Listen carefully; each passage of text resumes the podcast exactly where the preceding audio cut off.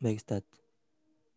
Bismillah, Alhamdulillah, wassalatu wassalamu ala rasulillah wa ala alihi wa sahbihi wa mawala amma ba'd. Alhamdulillah segala puja dan puji syukur Mari kita panjatkan kepada Allah Subhanahu wa taala yang pada hari ini Allah telah memberikan kepada kita begitu banyak nikmatnya dan alhamdulillah Allah berikan kesempatan kepada kita pada pagi hari ini untuk sama-sama tafakuh fiddin ya sama-sama untuk mempelajari agama ini nah, karena ikhwas sekalian fillah rahimakumullah puasanya uh, hidup kita ini tujuan utamanya kan adalah beribadah kepada Allah Subhanahu wa taala.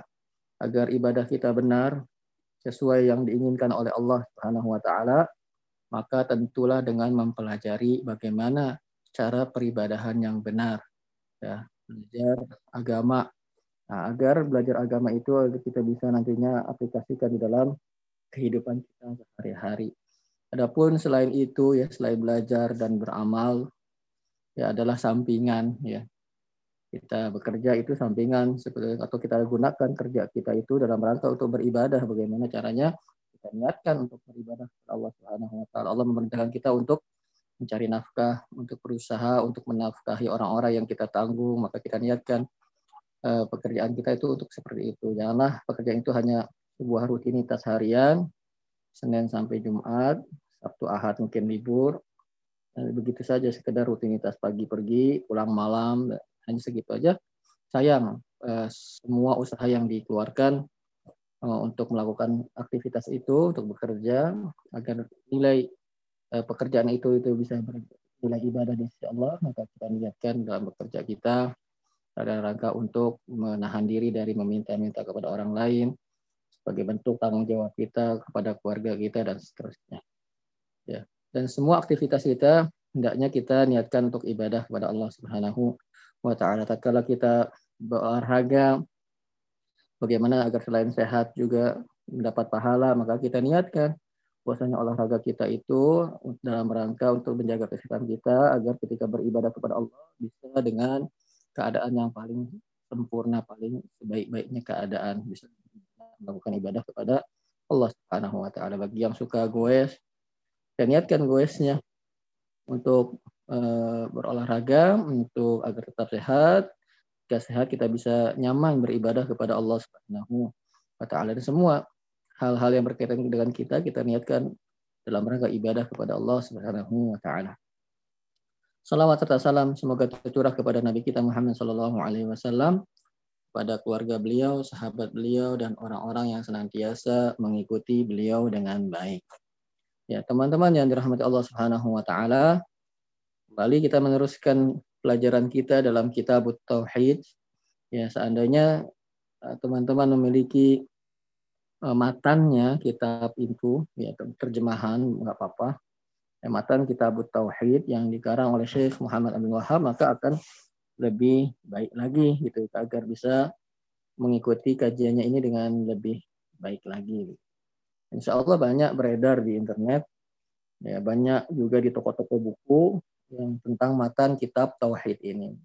Jadi matan kitab tauhid itu sangat bagus sekali, terutama dalam menerangkan tentang tauhid uluhiyah, karena syarat buku tersebut yang kita pelajari ini dengan dalil-dalil dari Al-Quran dan Sunnah. Adapun setelah itu, selain dalil Al-Quran dan Sunnah adalah perkataan-perkataan para sahabat atau para ulama yang menjelaskan tentang eh, dalil-dalil uh, dari Al-Quran dan Sunnah tersebut. Nah, teman-teman yang dirahmati Allah Subhanahu wa taala, Eh, telah sampai pembahasan kita pada pagi hari ini insya Allah babun majaa anasababa kufri bani Adam. Ya. bab. Babun bab majaa anasababa kufri bani Adam. Tentang keterangan sebab kekufurannya manusia. Watar kihim dinahum. Dan sebab manusia itu meninggalkan agama mereka. Wal al gulu wal gulu fis salihin. Betul nggak? Ya adalah gulu terhadap orang-orang solih. Jadi teman-teman yang dirahmati Allah Subhanahu Wa Taala, sebab utama atau sebab awal kali terjadinya kesyirikan, ya, kekufuran, dan meninggalkan agama tauhid, meninggalkan mengesahkan Allah Subhanahu wa taala dalam beribadah sebab awal kalinya adalah gulu terhadap orang-orang yang soleh. Itu judul yang diberi oleh Syekh Muhammad bin Abdul Wahab rahimahullahu taala. Ya. Dalam judul tersebut teman-teman yang dirahmati Allah disebutkan keterangan tentang sebab ya kekufuran. Sebab yang dimaksud dengan sebab teman-teman yang dirahmati Allah adalah sesuatu yang menyampaikan kepada sesuatu yang lain. Adalah hal yang menyampaikan kepada sesuatu yang lain dinamakan sebab. Ya, sebagaimana Allah Subhanahu wa taala berfirman dalam surah Al-Hajj, "Falyamdud bisababin ila samai tsumma liyaqta." Maka ulurkanlah sebab ke langit dalam ayat-ayat itu. Kemudian agar dia memotong tentang Fir'aun kepada Nabi Musa ya yang kata Nabi Musa alaihissalam mengatakan Allah di atas langit maka eh, Fir'aun uh, melecehkan hal tersebut. Fal yamdud bisababin ila sama, maka hendaknya dia mengulurkan tali ke langit kumal yaqta. Kemudian kalau Firaun itu benar maka putus sebab tersebut yang dari langit kepada Nabi Musa alaihissalam. Sebab di situ adalah yang dimaksudkan adalah sesuatu yang bisa menyampaikan ke langit. Kalau Firaun menolak kebenaran yang dibawa oleh Nabi Musa alaihissalam, hendaknya dia ngulurin tuh sesuatu yang bisa sampai ke langit, kemudian putus pertolongan Allah kepada Nabi Musa alaihissalam. Kalau bisa. Gitu. Jadi yang dimaksud dengan sebab dalam ayat itu fal bisa babin ilas sama eh in yusilhu ilas sama suatu yang menyampaikan Fir'aun itu ke langit. Jadi sebab adalah yang sesuatu yang menyampaikan kepada sesuatu yang lain. Itu dinamakan sebab. Ya. Dan teman-teman yang dirahmati Allah Subhanahu wa taala, jadi sebab kekufuran manusia dan sebab meninggalkannya mereka manusia itu kepada agama Allah, agama yang murni, agama tauhid ini adalah al-gulu salihin, adalah gulu. Gulu, teman-teman yang dirahmati Allah Subhanahu wa taala, yang dimaksud dengan gulu adalah mujawazatul haddi fi sana madhan wa au qadhan. Ya, sesuatu yang melampaui batas. Namanya gulu melampaui batas dalam memuji ataupun mencela. Itu namanya gulu. Ke overdosis. Overdosis dalam memuji itu gulu. Overdosis dalam mencela itu pun gulu namanya. Nah, sebab kufurnya manusia kepada Allah yang pertama kali sebabnya adalah gulu karena mereka overdosis berlebih-lebihan kepada orang-orang solih dalam hal apa? Pertama, ya ekstrim pertama dalam memuji berlebih-lebihan. Ya, memuji di luar kapasitas yang seharusnya dimiliki ada diberikan kepada yang dipuji ataupun ketika mencela overdosis dalam mencerahnya. Nah, itu disamakan apa gulu berlebih-lebihan dalam memuji ataupun berlebih-lebihan dalam me menghinakan atau dalam apa lawannya memuji itu dalam uh, merendahkan, menghinakan dan sebagainya ya. Nah, itu namanya al-gulu ya. Eh, teman-teman yang dirahmati Allah Subhanahu wa taala ya dalam bab ini Syekh Muhammad bin Abdul Wahab membawakan beberapa dalil baik dari Al-Qur'an apa pun dari hadis Nabi Shallallahu alaihi wasallam yang menjelaskan tentang judul yang telah kita baca tadi. Dulu salihin berlebih-lebihan kepada orang-orang soleh adalah sebab kufurnya manusia. Bahkan sebab pertama nanti kalau kita baca nanti insya Allah dalil-dalilnya maka kita akan tahu pertama kali kesyirikan itu muncul adanya kesyirikan di muka bumi adalah ini dulu terhadap orang-orang soleh. Hmm. Dalil yang pertama yang dibawakan oleh Syekh Muhammad bin Abdul Wahab adalah surah An-Nisa ayat 171. Nah, ini teman-teman yang dirahmati Allah, Kita ingin mengetahui kronologis sebab kok manusia bisa kufur ya kepada Allah sebab pertama kalinya itu gimana sih mereka. Nah ini insya Allah dalam bab ini akan dijelaskan oleh Imam Al-Wahhab dengan menukil dari dari Al-Quran dan As-Sunnah. Pertama adalah ayat larangan apa namanya larangan kita itu tidak boleh bulu terhadap soleh. Bagaimana firman Allah Subhanahu Wa Taala Ya, Allah berfirman, ya ahlal kitab. Wahai ahlu kitab. Yang disebut ahlul kitab, teman-teman yang dirahmati Allah, adalah Yahudi dan Nasrani. Yang mereka disebut istilahnya dalam syariat adalah ahlul kitab. Siap yang kita jumpai dalam Al-Quran ataupun hadis disebut ahlul kitab, maka yang dimaksud adalah orang-orang Yahudi dan orang-orang Ya ahlul kitab, wahai ahlul kitab, la taglu, janganlah kalian gulu idinikum dalam dalam agama kalian. Di sini teman-teman yang dirahmati Allah Subhanahu wa taala, Allah menyebut ahlul kitab. Melarang mereka untuk berbuat gulu. Jadi gulu sudah disampaikan ya maknanya adalah berlebih-lebihan dalam memuji ataupun mencela. La taglu diniku, la taglu fi dinikum. Jangan kalian gulu di dalam agama kalian. Karena teman-teman yang dirahmati Allah Subhanahu wa taala, memang terjadi benar realitas bahwa orang-orang ahlul kitab mereka itu gulu di dalam agamanya. Ya. Di antaranya uh, permasalahan Nabi Isa alaihissalam. Orang-orang Yahudi, orang-orang Nasrani, mereka gulu terhadap Nabi Isa alaihissalam bahkan menjadikannya seperti anaknya Allah, bahkan menjadikannya salah satu dari tiga oknum Trinitas, ya, ya, one Trinitas tersebut di antaranya adalah Nabi Isa alaihissalam. Nah ini gulu bentuk gulu orang-orang ahlul kitab menempat memuji Nabi Isa di luar kapasitas yang sebetulnya yang seharusnya yang diberikan kepada beliau alaihissalam.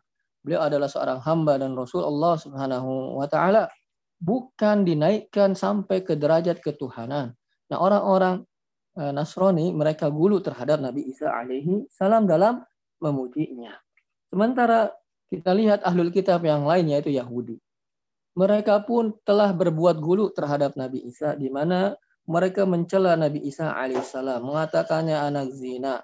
Eh, bahkan mereka berusaha untuk membunuh Nabi Isa alaihissalam. Orang-orang Yahudi ini pun terjatuh terhadap gulu dalam mencela, dalam menghinakan Nabi Isa alaihissalam. Maka benar, sebagaimana yang difirmankan oleh Allah Subhanahu wa taala ini terjadi memang eh, apa yang difirmankan oleh Allah Subhanahu wa taala ini bahwasanya ahlul kitab dari orang-orang Yahudi dan Nasrani mereka memang benar berbuat gulu. Oleh karena itu kita dilarang untuk menyerupai mereka dalam hal-hal kekhususan mereka. Salah satunya adalah tentang cara beragama mereka, yaitu gulu. Ya, mereka gulu tatkala memuji nyanjung Nabi Isa alaihissalam, orang-orang Nasrani di satu pihak, orang-orang Yahudi gulu terhadap Nabi Isa dalam mencela beliau alaihissalam menyatakannya dengan perkara-perkara yang tidak layak bagi beliau alaihissalam. Kemudian ayat tersebut dilanjutkan innamal masih wa Isa bin Maryam Rasulullah Kata Allah Subhanahu wa taala, sungguhnya Nabi Al-Masih nah yaitu Nabi Isa karena beliau Al-Masih Al-Masih itu yang mengusap artinya. Al-Masih ya ya Musa karena Nabi Isa alaihissalam diberikan mukjizat oleh Allah Subhanahu wa taala menghidupkan orang yang mati dengan izin Allah Subhanahu wa taala. Maka beliau digelari dengan Al-Masih. Digelari Al-Masih selain Nabi Isa alaihissalam juga Dajjal. Hanya saja Dajjal bukan Al-Masih yang artinya positif, beliau apa namanya dia Dajjal laknatullah alaih itu disebut al-masih karena dua hal. Pertama, karena memang salah satu uh, mata beliau mata Dajjal ini itu memang cacat, terhapus al-masih. Itu pertama kali yang disebut al-masih. Kedua, sebabnya dikatakan al-masih kepada Dajjal karena Dajjal itu bisa mendatangi setiap penjuru tempat di muka bumi ini. Mereka eh, dia itu yamsah ala wajhil ard. Dia bisa menyapu muka bumi ini, bisa berpergian ke tempat-tempat di setiap permukaan bumi ini kecuali dua tempat yaitu kota Mekah dan Madinah. Nah, Nabi Isa alaihissalam digelari Al-Masih karena diberikan kemampuan mukjizat oleh Allah untuk bisa menghidupkan orang mati dengan izin Allah Subhanahu wa taala. Innamal Masihu Isa bin Maryam. Dalam ayat ini Allah berfirman Isa anaknya Maryam. Ini sebagai bantahan rahimahullah terhadap orang-orang uh, Nasrani yang mengatakan dia ibnullah. Nah, Allah mengatakan di sini Isa ibnu Maryam, bukan Isa ibnu Allah. Ya, bantahan terhadap orang-orang ya, orang-orang Nasrani. Kemudian innamal masihu Isa bin Maryam Rasulullah Allah berfirman. Hanyalah Nabi Isa alaihissalam itu uh, Isa anak putranya Maryam itu adalah Rasulullah. Dah, pada kata Rasulullah itu terdapat bantahan terhadap orang-orang Yahudi. Beliau alaihissalam bukanlah orang seorang uh, anak zina, bukanlah keturunan yang jelek, tetapi beliau adalah Rasulullah. Bantahan sekaligus terhadap dua kelompok dari ahlul kitab tersebut yang telah gulu terhadap Nabi Isa alaihissalam Allah berfirman, Isa bin Maryam Rasulullah. Baik, teman-teman yang dirahmati Allah Subhanahu wa taala, ya. Uh, dalam ayat ini ya, Allah Subhanahu wa taala menjelaskan bagaimana ke kebiasaan, bagaimana ciri khas orang-orang alul kitab. Ya, salah satu ciri khas mereka adalah mereka gulu di dalam agama mereka. Contoh kasusnya yang paling eh, ketara nyata adalah tentang permasalahan Nabi Isa alaihi salam. Allah berfirman, "Aminu billahi wa rasulih." Maka berimanlah kalian kepada Allah dan Rasulnya. Wala taqulu salasah. Jangan katakan ya bahwasanya ada tiga oknum ya nah ini juga trinitas ternyata sudah uh, dideteksi oleh Allah Subhanahu wa taala jauh sebelum munculnya bukan dideteksi memang dari awalnya Allah Subhanahu wa taala telah mengetahuinya akan terjadi hal-hal tersebut Allah berfirman in tahu khairan lakum jikalau kalian berhenti dari hal itu maka akan lebih baik bagi kalian innamallahu ilahu wahid hanyalah Allah itu adalah ilah yang satu ya subhanahu an yakuna lahu walad. Maha suci Allah dari memiliki keturunan lahu ma fis samawati wa ma fil. Milik Allah lah semua ada yang di langit dan di bumi. Wa kafa billahi wakila. Ya teman-teman yang dirahmati Allah Subhanahu wa taala, ini adalah salah satu bentuk bulu yang ada pada ahlul kitab dan Allah Subhanahu wa taala melarang ya untuk uh, berlebih-lebihan untuk bulu di dalam permasalahan agama. Kenapa teman-teman yang dirahmati Allah Subhanahu wa taala bulu itu dilarang? Setidaknya ada beberapa hal. Bulu itu tidak di, tidak diperbolehkan dalam agama kita. Pertama bahwasanya bulu itu menempatkan sesuatu yang eh, dipuji ataupun yang dicela itu lebih dari eh, porsinya ya Apabila dia memuji lebih dari porsi yang seharusnya. Ketika dia mencela melebihi porsi yang seharusnya. Nah, itu menempatkan sesuatu itu di luar eh, sesuatu yang merupakan kapasitasnya. Sesuatu yang merupakan haknya. Nah, itu sebab ya dilarangnya gulu karena menempatkan sesuatu itu bukan pada tempatnya. Bisa terlalu plus dalam memuji, bisa terlalu minus dalam mencela, ya, tidak adil. Kemudian gulu juga dilarang. Kenapa? Karena gulu, teman-teman yang dirahmati Allah Subhanahu wa taala, bisa menghantarkan seseorang dalam mengibadahi yang digului. Apa ya itulah entah yang dipuji ya tentu saja kalau beribadah ya yang dipuji ya bisa menghantarkan seseorang ketika mem, apa gulu terhadap orang-orang soleh bisa menghantarkannya untuk melakukan peribadahan terhadap orang tersebut atau kepada oknum tersebut atau kepada sesuatu tersebut. Ya, itu sebab kenapa gulu dilarang. Ya, sebagaimana orang-orang Nasrani berlebihan terhadap Nabi Isa alaihissalam, kemudian akhirnya menghantarkan mereka untuk melakukan peribadahan kepada Nabi Isa alaihissalam. Nah, itu ada pelajaran bagi kita kaum muslimin agar tidak gulu terhadap orang-orang soleh orang-orang yang soleh ditempatkan sesuai dengan kedudukan yang Allah Subhanahu wa taala berikan kepada mereka tanpa melebih-lebihkan dan juga tanpa mengurang-urangnya menempati mereka dengan status yang pas bagi mereka. Tidak boleh kita berlebih-lebihan terhadap orang-orang yang soleh karena bisa menghantarkan kita dalam melakukan peribadahan kepada mereka. Uh, kalau disebutkan peribadahan, maka jangan hanya tergambar kalau seseorang beribadah kepada sesuatu, berarti dia sujud-sujud begitu. Ya, jangan tergambar hanya sujud saja betul. Sujud adalah salah satu bentuk peribadahan, tapi peribadahan bukan sujud saja. Contohnya berdoa. Berdoa itu bentuk peribadahan. Doa wala ibadah kata Rasulullah SAW. Ya, ud'uni astajib lakum. Allah memerintahkan sesuatu. Kalau sesuatu itu diperintah, menunjukkan sesuatu itu adalah ibadah. Ya, doa adalah ibadah. Kalau doa itu uh, dipalingkan, ditujukan kepada selain Allah, dia telah melakukan peribadahan kepada selain Allah Subhanahu wa taala tersebut dan terjadi teman-teman yang dirahmati Allah Subhanahu wa taala seperti itu. Karena gulunya dia, karena berlebihannya dia terhadap orang-orang soleh, akhirnya menunjukkan doanya kepada orang-orang yang soleh tersebut. Ya. Nah itu kenapa gulu di dalam agama tidak diperbolehkan karena dapat atau berpotensi besar untuk menghantarkan seseorang melakukan peribadahan terhadap sesuatu yang dia gului tersebut. Tahu ya paham gului itu apa gulu itu? Sesuatu yang dijadikan yang di, di, di ketika dia memuji lebih ketika lalu berlebihan itu namanya yang digului lah saya. Tapi kemudian teman-teman kenapa juga gulu tidak diperbolehkan?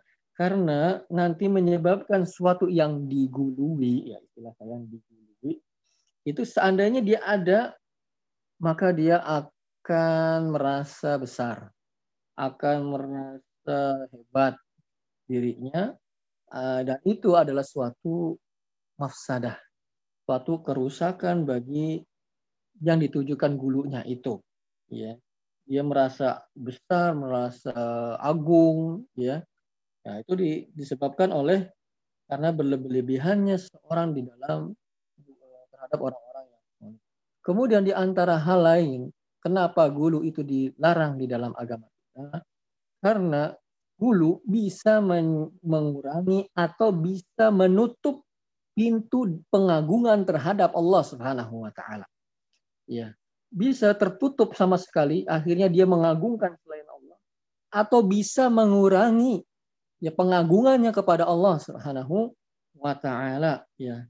Karena teman-teman yang dirahmati Allah Subhanahu wa taala, hati ini itu apabila disibukkan dengan kebenaran maka sempit kebatilan bisa masuk. Dan sebaliknya apabila hati itu sibuk dengan kebatilan, maka sempit ya kebenaran itu bisa masuk.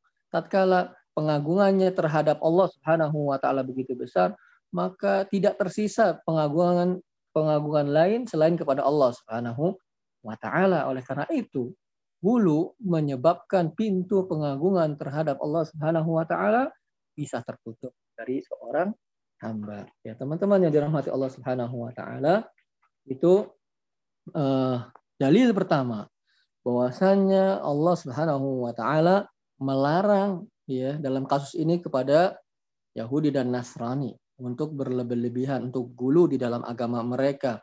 Contoh kasusnya dalam Isa alaihissalam. Ya, demikian pula ini menjadi pelajaran bagi kaum muslimin dan uh, kaum muslimin pun tentu saja lebih lagi tidak diperbolehkan untuk gulu di dalam masalah agamanya.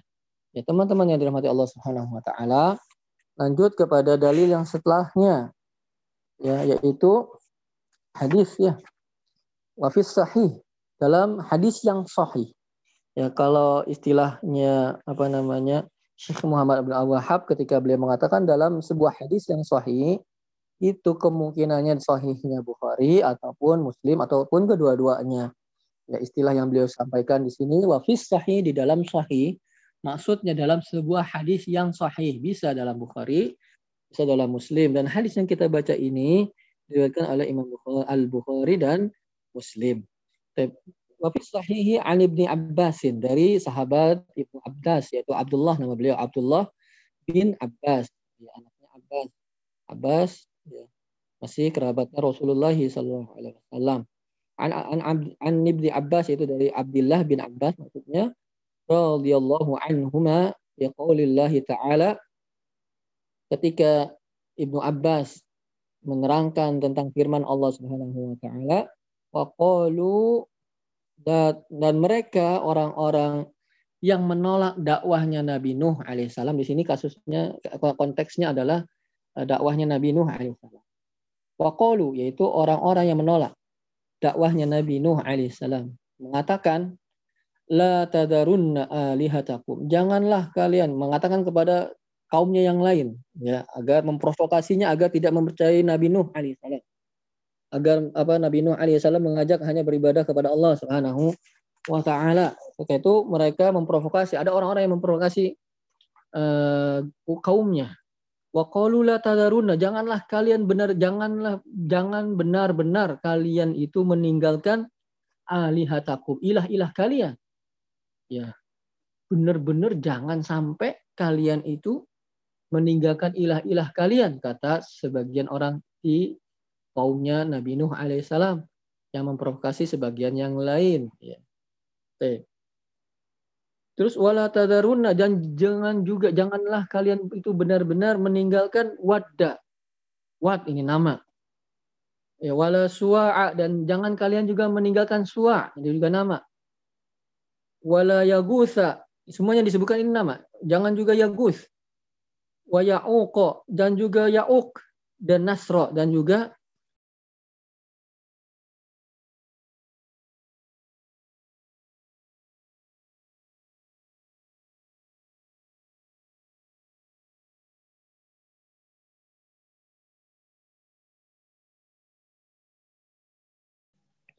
Hilang suaranya, Ustaz. Halo, Ustaz. Assalamualaikum. Uh, baru keluar lagi suara, Ustaz. Oh, dari mana nih tadi nih? Baru penjelasan ayat tadi, Ustaz.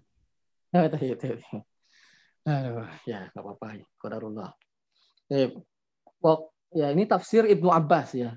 Ibnu Abbas menafsirkan ayat yaitu dalam surat apa itu surat Nuh ayat 23 ya ketika konteksnya adalah ketika kaumnya Nabi Nuh alaihissalam didakwahi oleh Nabi Nuh alaihissalam agar beribadah kepada Allah saja, akhirnya sebagian kaum Nabi Nuh alaihissalam memprovokasi sebagian yang lain mengatakan waqalu mereka berkata yaitu orang-orang yang menolak dakwahnya Nabi Nuh alaihissalam la tadarunna janganlah kalian itu benar-benar meninggalkan alihatakum ilah-ilah kalian ya sembahan-sesembahan kalian wala tadarunna dan janganlah benar-benar kalian juga meninggalkan. Siapa saja semua yang disebut ini nama.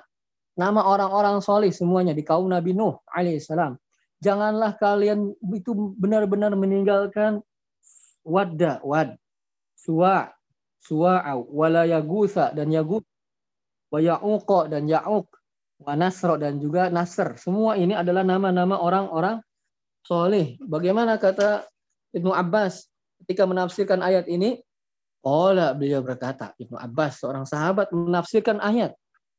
Jadi kalau ayat Al-Quran ditafsirkan sahabat, itu bisa kita katakan itu adalah hujah, adalah argumentasi yang kuat. Kenapa? Karena para sahabat tahu ya kapan ayat Al-Quran itu turun.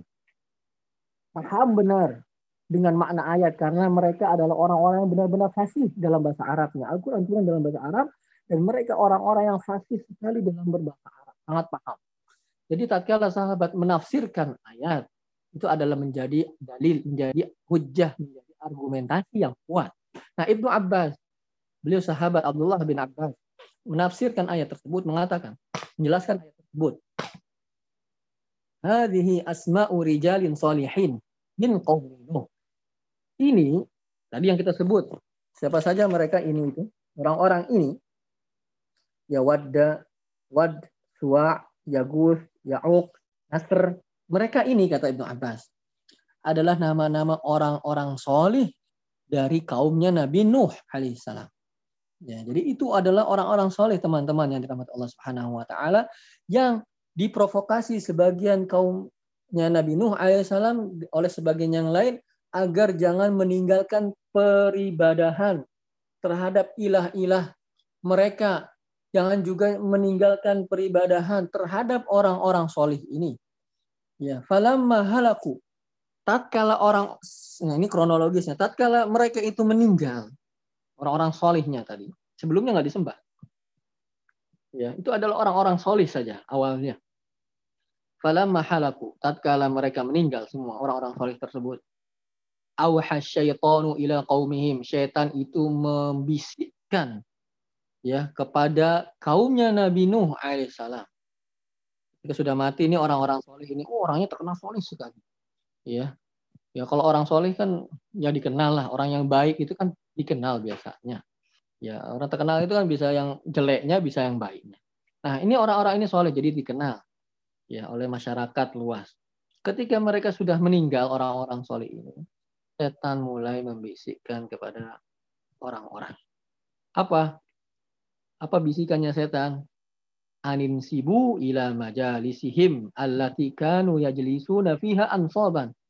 Agar apa? Bisikan setan kepada orang-orang tatkala orang-orang soleh itu sudah meninggal agar hendaknya kalian itu mendirikan semacam monumen ya kayak patung monumen sesuatu yang ditegakkan gitu loh sesuatu yang dibuat dia dibuat monumen lah patung atau monumen seperti itu Nah itu nasab namanya. Anin sibu ila majalisim.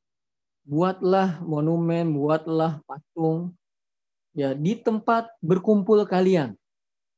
Yang kalian bisa biasa berkumpul di situ, duduk-duduk di situ. Ya, buat aja, buat kenapa untuk apa? Ya, agar apa namanya? mengingatkan mereka, oh ini orang soleh, ini oh ini apa wat, ini suwa, ini yagus, ini yang ini monumen ini atau patung ini Yagus ya Oak yang ini Nasr gitu. Ah, cuman ingat aja. Kalau kita melihat monumen itu ya yang melambangkan si Yagus ya mungkin dibuat rupanya atau seperti apa nggak tahu. Yang jelas itu menandakan si ini ini orang soleh ini si itu orang soleh itu gitu ya. Ketika kita hadir di situ tempat itu kita teringat oh oh itu dulu orang baik ya. Oh jadi memotivasi orang untuk mengingat kebaikan pada orang-orang soleh itu. Itu awalnya teman-teman yang dirahmati Allah Subhanahu wa taala. Cuman setan itu cuma membisikkan enggak bukan disembah, bukan. Dibuat aja monumen atau patung di tempat yang biasa berkumpul ya. Jika kita biasa berkumpul dibuat ini biar kenapa? Biar ingat ini kan orang soleh. Oh pas ngeliat itu, saya pengen seperti dia gitu. Kesannya bagus, tapi tutup muslihat teman-teman yang dirahmati Allah Subhanahu wa taala ya itulah setan ya. Itu bisa menipu ya manusia walaupun kesannya bagus ya baik. Itu kan baik kok dilarang gitu kan masa ini kan baik kok kayak baik yang kayak gini kok nggak boleh? Ya terlalu ini terlalu apa namanya keras terlalu apa gitu kan? Ya itulah setan tipu dayanya. Jangan kita teman-teman rahmat Allah. Nabi Adam saja bisa ketipu sama setan.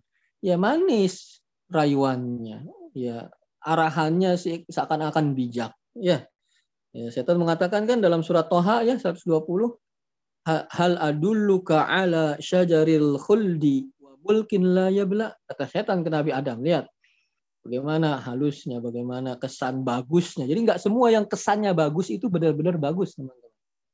Nggak semua yang kesannya baik itu baik betulan teman-teman ya Allah Subhanahu jadi yang disebut bagus dan baik menurut syariat ada yang dikatakan oleh Allah itu bagus.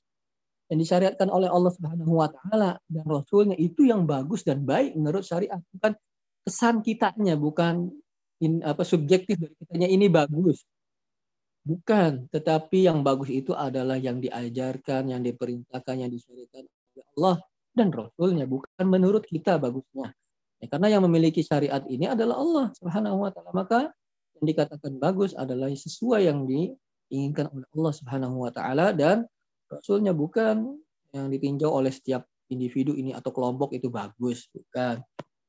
Nah, setan tuh merayu Nabi Adam.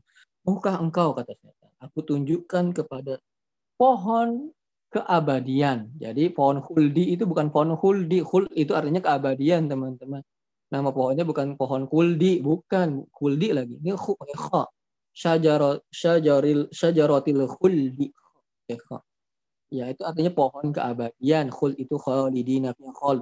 Itu kan artinya terus-menerus ada. Ya. Kata setan, maukah aku tunjukkan kepada kamu Nabi Adam pohon keabadian dan wa mulkin la ya dan kekuasaan yang tidak pernah akan hilang. Oh, kesannya bagus. Ya. Pohon keabadian. Ya, kekuasaan yang tidak akan hilang kan bagus.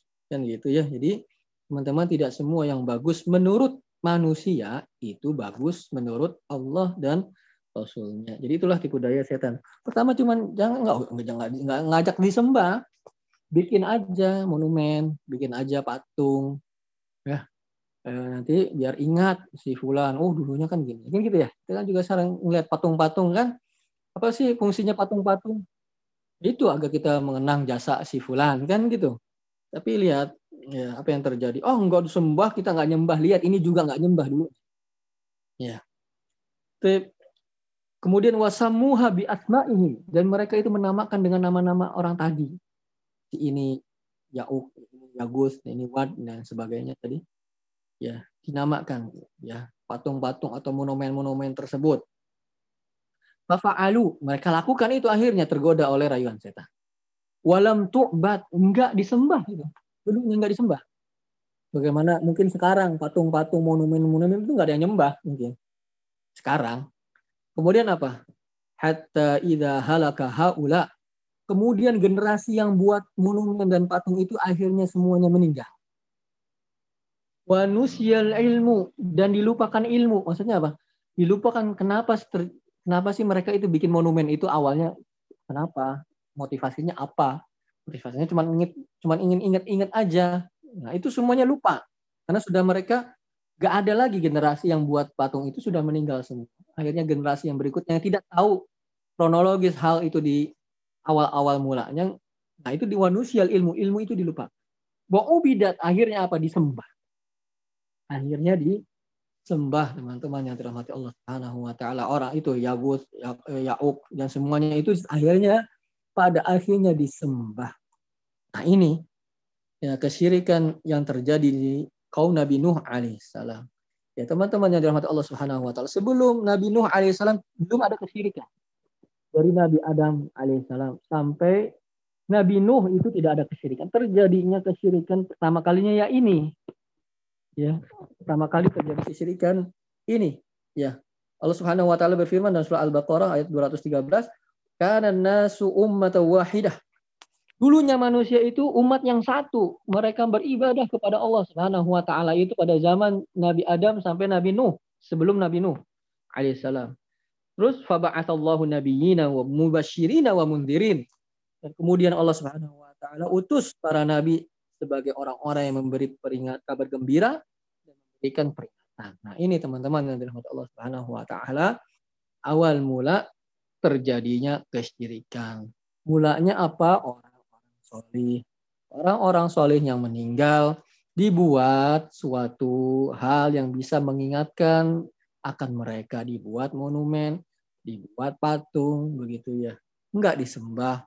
Akhirnya meninggal semua orang yang tahu kronologis kenapa buat monumen itu, kenapa buat patung itu. Sudah nggak ada, akhirnya nggak tahu muncul generasi setelahnya yang nggak tahu tahu-tahu ini ada patung aja, wah berarti kan punya kedudukannya istimewa dong. Ya nggak tahu kenapa siapa itu, cuma tahu namanya doang kan gitu ya. Akhirnya apa? Akhirnya bidat. Nah, akhirnya disembah. Nah, ini adalah tafsirnya seorang sahabat Abdullah bin Abbas ketika menerangkan ayat la tadharunna alihatakum wa la tadharunna waddaw wa la suwa'a wa yabutha wa ya'uqa itu kronologisnya teman-teman yang dirahmati Allah Subhanahu wa taala. Kemudian ya setelahnya adalah perkataan Ibnu Qayyim Al-Jauziyah.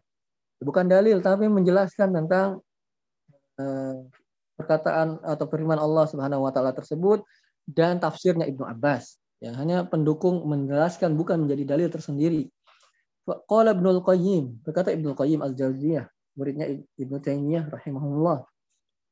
Qala ghairu wahidin minas salaf. Berkata banyak dari kalangan salaf para sahabat.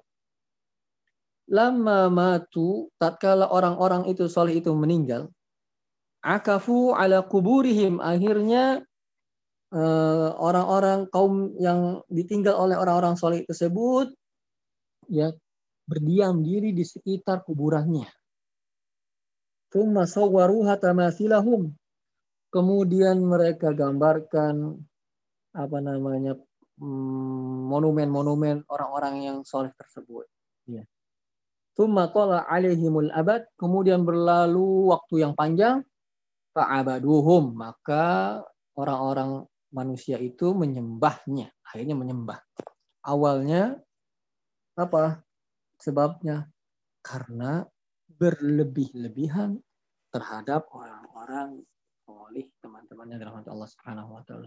Kita mencintai orang-orang soleh cuman harus sesuai dengan apa yang Allah Subhanahu wa taala perbolehkan, izinkan dalam mencintai mereka, menolong mereka, membantu mereka, bukan menempatkan mereka di atas status yang seharusnya sampai berlebih-lebihan dalam memuji, ya berlebih-lebihan dalam mencintai, akhirnya menyampaikan kita menempatkan orang-orang soleh tersebut jauh dari sebatas yang diizinkan oleh Allah Subhanahu wa taala. Orang-orang soleh ini siapa-siapa saja.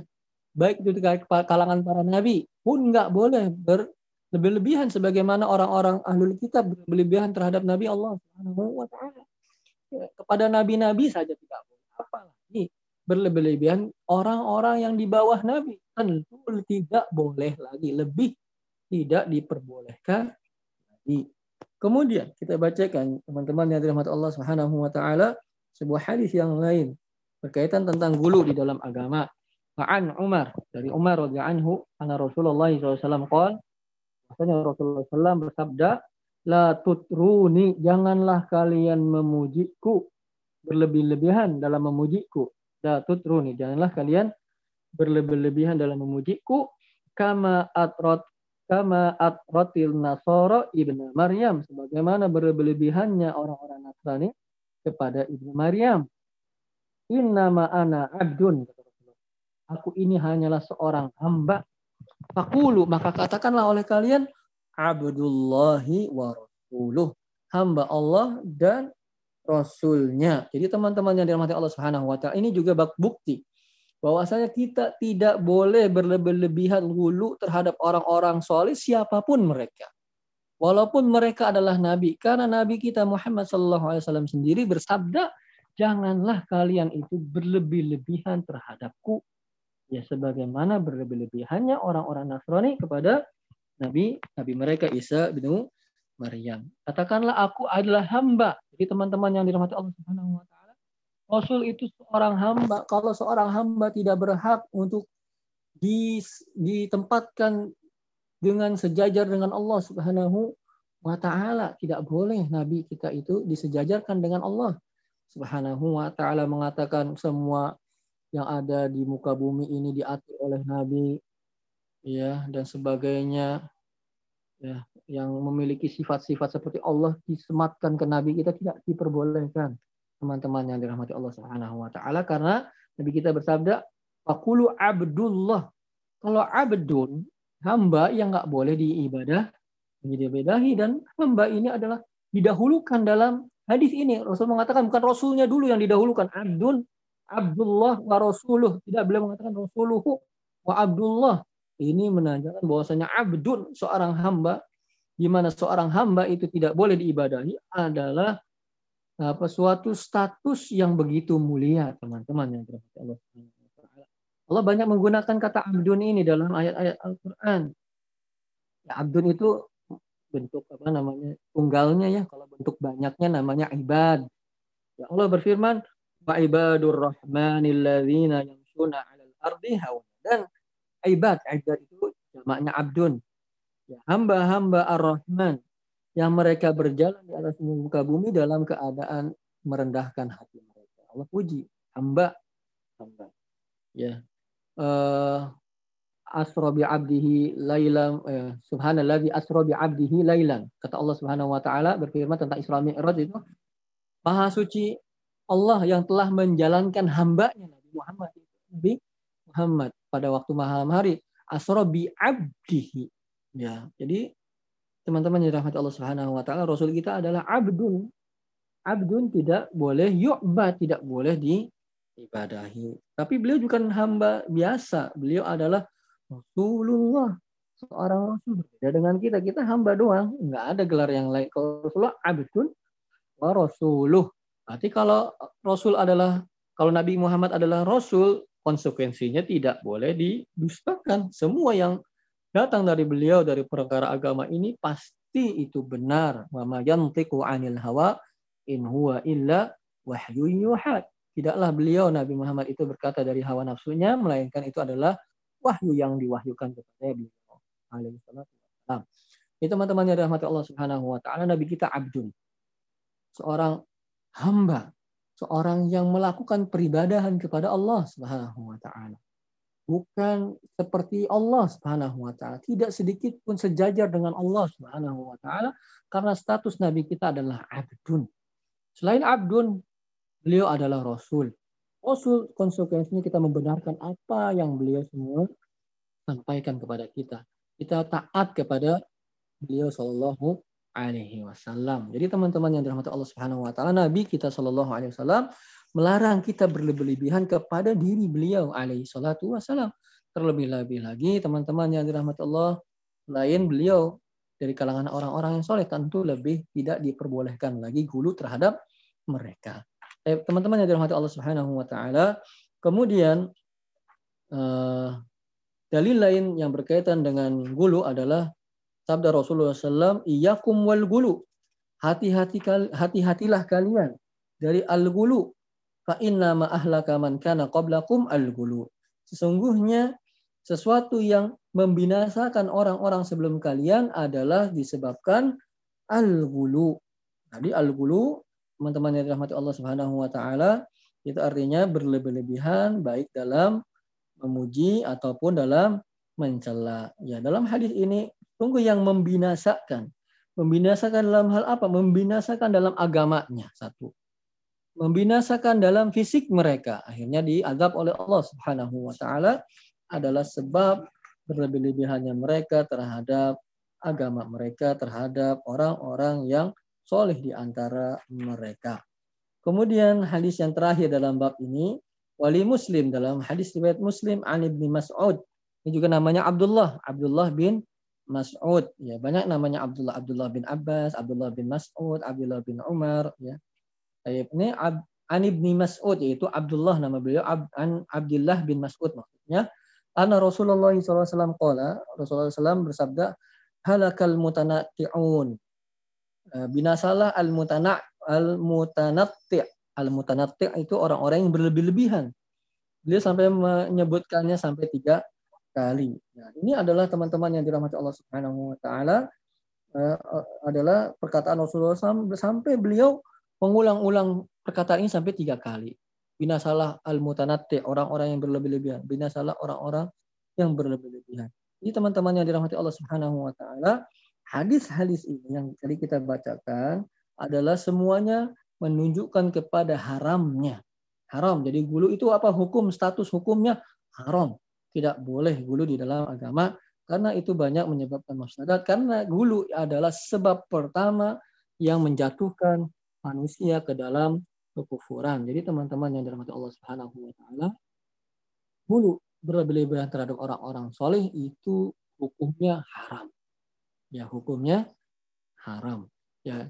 Tapi yang dimaksud gulu ini tadi ya kita sebutkan berlebihan dalam me, me, apa, memuji ataupun mencela atau berlebihan dalam sesuatu hal itu namanya gulu. Jadi apa standar gulu itu bukan menurut kita tadi ya, jadi menurut syariat Islam ini, contohnya misalnya kalau ada wanita bercadar, wow ini berlebihan. Bukan, itu bukan berlebihan. Karena memang cadar termasuk syariat Islam. Ya, kalau ada yang berpakaian Islami, ya misalnya atau berpenampilan Islami, oh berlebihan. Misalnya orang yang memelihara jenggot, itu bukan berlebihan teman-teman ya. Itu yang disyariatkan karena Rasulullah SAW sabda wa khusus syawarib. Ya peliharalah jenggot dan cukurlah kumis nggak berlebih-lebihan. Yang memakai uh, pakaian di atas mata kaki juga bukan berlebih-lebihan. Karena memang memerintahkan disyariatkan oleh agama kita. Itu bukan sesuatu yang berlebihan. Jadi sesuatu yang berlebihan atau tidak berlebihan standarnya bukan subjektivitas kita masing-masing, tapi dikembalikan kepada apa? Dalil-dalil dari ayat atau dari hadis-hadis di dalam Al-Qur'an di dalam syariat agama kita. Itu yang disebut standarisasi dulu ya. Jadi standarnya bukan relatif, bukan bi ya. Tapi standarnya adalah sesuatu itu sesuai tidak dengan yang disyariatkan oleh Allah dan Rasul. Apabila melebihi batas itu itu baru namanya gulu. Ya, kalau kurang juga termasuk gulu. Jadi standarnya itu teman-teman yang dirahmati Allah taala. Uh, mungkin sekian yang bisa saya sampaikan. Apabila ada yang teman-teman sampaikan dipersilahkan. Apabila saya bisa alhamdulillah, syukur kepada Allah. Apabila tidak, saya mohon teman-teman bisa karena keterbatasan ilmu yang ada pada diri saya.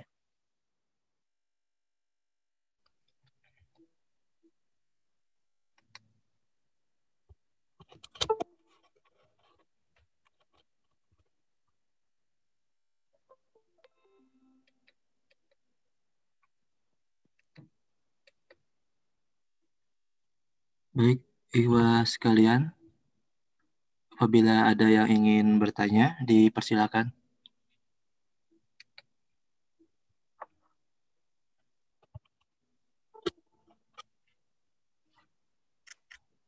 Halo, Assalamualaikum, izin Ustaz.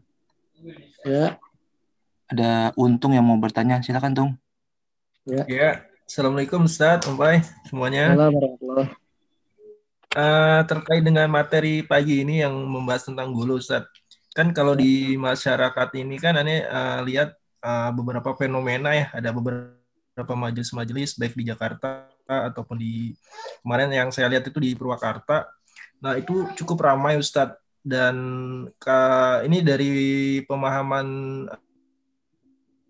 lebih kepada uh, melihat dari uh, sosoknya gitu Ustadz, sosok gurunya sehingga pengajian-pengajiannya itu lebih kayak tidak memperhatikan norma-norma yang ada di masyarakat dari sisi berkendara, dari sisi lainnya seperti itu Ustaz. Bahkan pada saat ajan Isya atau ajan pada saat sholat juhur atau jamnya sholat, kadang mereka tidak melakukan itu gitu karena saking ramainya seperti itu Ustaz. Nah, apakah ini juga termasuk gulu dan bagaimana uh, dari sisi kita sebagai muslim untuk menyikapinya untuk uh, fenomena seperti itu Ustaz. Terima kasih. Oke, uh, jadi teman-teman di rahmat Allah Subhanahu wa taala uh, potensi timbulnya gulu itu bisa menimpa siapa saja. Bisa terpapar oleh gulu ini semua kalangan. Ya, baik orang awamnya bahkan juga bisa men, apa namanya menjangkiti penyakit gulu ini terhadap orang-orang yang mempelajari tauhid dan sunnah. Bisa ah demikian? Bisa teman-teman. Semua ya ikhwah misalnya orang-orang yang belajar tauhid dan sunnah apakah mungkin gulu? Mungkin. Ya. Uh, apakah orang-orang awam itu gulu juga yang bukan mempelajari tauhid dan sunnah? Bisa gulu? Mungkin. Semuanya. Gulu ini tidak pandang bulu dia bisa me, apa namanya bisa menjangkiti semua orang. Ya, apakah eh, teman-teman yang eh, misalnya di suatu kelompok pengajian tertentu bisa bulu? Mungkin, karena nggak nggak pandang bulu itu. Apakah orang-orang yang ngaji sudah bisa gulu? gulu? Mungkin, mungkin ada gulu di antara mereka. Mungkin saja, sangat potensial besar terjadinya gulu terhadap setiap kita. Oleh karena itu terus diingatkan. Nah, teman-teman yang dirahmati Allah Subhanahu wa taala sering kali kita itu ya pasti namanya orang awam biasanya banyak terpengaruh oleh su, suatu figur ya figuritas. Orang. Seringkali begitu terutama orang-orang awam ya, kagum terhadap sosoknya penampilannya gaya bicaranya tutur katanya retorika sebagainya. Ya akhirnya dia eh, apa namanya begitu terinspirasi tentang seorang yang lihat dan dia kagumi tersebut. Oleh karena itu teman-teman yang dirahmati Allah Subhanahu wa taala, oleh karena itu hal-hal seperti ini yang itu pembahasan tentang tidak bolehnya kita gulu terhadap orang-orang soleh itu terus kita ingat-ingat. Terus kita apa namanya ulang-ulang. kita hayati karena itu bisa menjangkiti siapa saja ya imma salafiyun pun bisa terjangkiti oleh penyakit gulu harokiyun ikhwaniyun semuanya bisa. Ya bukan orang-orang pengajian tradisional saja yang gulu itu yang orang-orang harokiyah harokiyun atau orang salafiyun apa enggak gulu bisa semuanya bisa. Oleh karena itu kita eh, apa namanya eh, terus mewanti-wanti mewaspadai diri kita dari hal-hal tersebut dan perlu kita ingat-ingat berlebih-lebihan kita terhadap suatu figur, suatu sosok ya biasanya orang-orang solih itu kalau tidak ditempatkan sesuai dengan porsinya bisa bahaya, bisa menghantarkan seseorang melakukan peribadahan. Ingat ya peribadahan nggak sujud-sujud aja ya, saya ulang. Dia mau apa namanya menundukkan men, apa mendudukkan orang-orang soleh itu kedudukan dengan Allah itu bisa berbahaya ya menganggap orang itu bisa di tangannya lah rezeki. Tanganlah tangannya semua urusan bisa mengatur segala urusan. Ada orang-orang sebut ya yang sampai begitu. Orang-orang yang apa namanya meyakini wali ini. Padahal ketahuan orangnya bermaksiat kepada Allah disebut wali misalnya ya. Karena apa yang semua yang dilakukan pasti benar gitu ya. Ya karena dia adalah ini dan itu itu yang berbahaya. Dan eh, yang perlu kita apa namanya cermati ketika ada eh, kelompok-kelompok yang seperti itu ya maka ya pertama kali kita uh, ingatkan diri kita dulu ya bahwa oh masya Allah ini nah, misalnya ada orang-orang yang kelompok-kelompok yang berlebih-lebihan terhadap figur tokoh mereka ini berbahaya punya potensi untuk uh, apa namanya uh, keluar dari pengagungan terhadap Allah Subhanahu wa taala atau berkurang bahkan bisa mengantarkan peribadahan kepada tokoh atau figur tersebut. Kemudian apabila kita punya akses, kita punya teman dan saudara, kita bisa menasihati mereka semampu yang kita uh, miliki gitu ya, sebatas kemampuan yang ada pada diri kita. Kemudian apabila uh, ya pengajian tersebut dan biasanya kalau pengajiannya besar banyak itu berpotensi sekali untuk banyak menimbulkan gangguan secara norma kemasyarakatan biasanya pengajian yang banyak pesertanya itu biasanya punya potensi untuk mengganggu begitu. Nah ini juga perlu dicermati jangan sampai kan kita kan melakukan pengajian dan sampai pengajian yang kita lakukan itu justru kan untuk ibadah. Ya sampai kita karena ibadah yang kita lakukan akhirnya orang lain terasa terganggu, orang lain terasa terganggu. Semuanya ya. Semua ya, semua pengajian yang besar siapa pun itu berpotensi kalau tidak di apa namanya tidak diatur secara baik berpotensi mengganggu betul teman-teman semuanya pengajian apa Pengajian sunnah juga sama, berpotensi kalau banyak apa namanya? Banyak pesertanya itu punya potensi ya, cara tidak kita sadari mengganggu. Oleh karena itu orang-orang yang berwenang dalam hal-hal itu sebaiknya memikirkan secara detail, secara rinci agar jangan sampai ada orang yang merasa dirugikan, terzalimi dan sebagainya. Halo? Suaranya kedengeran? Kedengeran Ustaz. Ustaz. Ya. Dan juga uh, sungguh aneh apabila um, mengaji tapi ketika waktu sholat ya tidak melakukan sholat itu suatu yang yang salah dengan orangnya tersebut ya. Nggak tahu kalau pengajiannya saya tidak bisa yang jelas ada kesalahan dalam orangnya yang meninggalkan hal tersebut. Dan ada seperti itu kadang-kadang ya. Ada uh, acara misalnya saya saya pernah ya sholat di suatu masjid eh, kok ada orang-orang yang duduk di warung samping dekat masjid mereka pakai peci pakai pakaian pakaian sholat gitu. Tapi kok nggak sholat? Tapi setelah sholat selesai akhirnya eh, mereka masuk ke masjid akhirnya ya, ya nyanyi-nyanyi dan sebagainya seperti itu. Kok aneh ya? Suatu yang seharusnya uh, didahulukan kok tidak ikut serta ya? Saya tidak bisa menghukumi dia tidak sholat. Yang jelas ketika waktu itu jamaah itu enggak bersama kami sholat begitu tidak bersama para jamaah yang lain sholat. Ya mungkin sholat sendiri tapi suatu yang aneh dekat masjid pakainya sudah pakaian islami gitu ya. Waktu sholat kok malah nongkrong nongkrong di warung dekat masjid dengan penampilan mau sholat bawa alat-alat musik tapi tidak melakukan sholat. Setelah sholatnya selesai bubar baru mereka ini aneh. Ya seharusnya kan sholat itu kan kewajiban ya. Dan hal yang dia lakukan itu ya kalau mau kita katakan juga bukan bukan bentuk peribadahan begitu kan. Kok bisa-bisanya didahulukan itu ada yang salah begitu dalam dalam hal itu ya. Teman-teman yang rahmat Allah Subhanahu wa taala demikian kalau kita ini juga peringatan bagi kita pertama agar kita tidak berlebih-lebihan terhadap orang-orang yang soleh, tidak berlebih-lebihan terhadap para ulama, tidak berlebih-lebihan terhadap para uh, ustadz ya tidak boleh kita berlebihan. Harus sesuai dengan porsinya menempatkan mereka. Mereka adalah hamba Allah Subhanahu wa taala mungkin salah. Ya dan pasti ya kita berhusnuzon ya benarnya walaupun benarnya banyak tapi bukan berarti tidak pernah salah.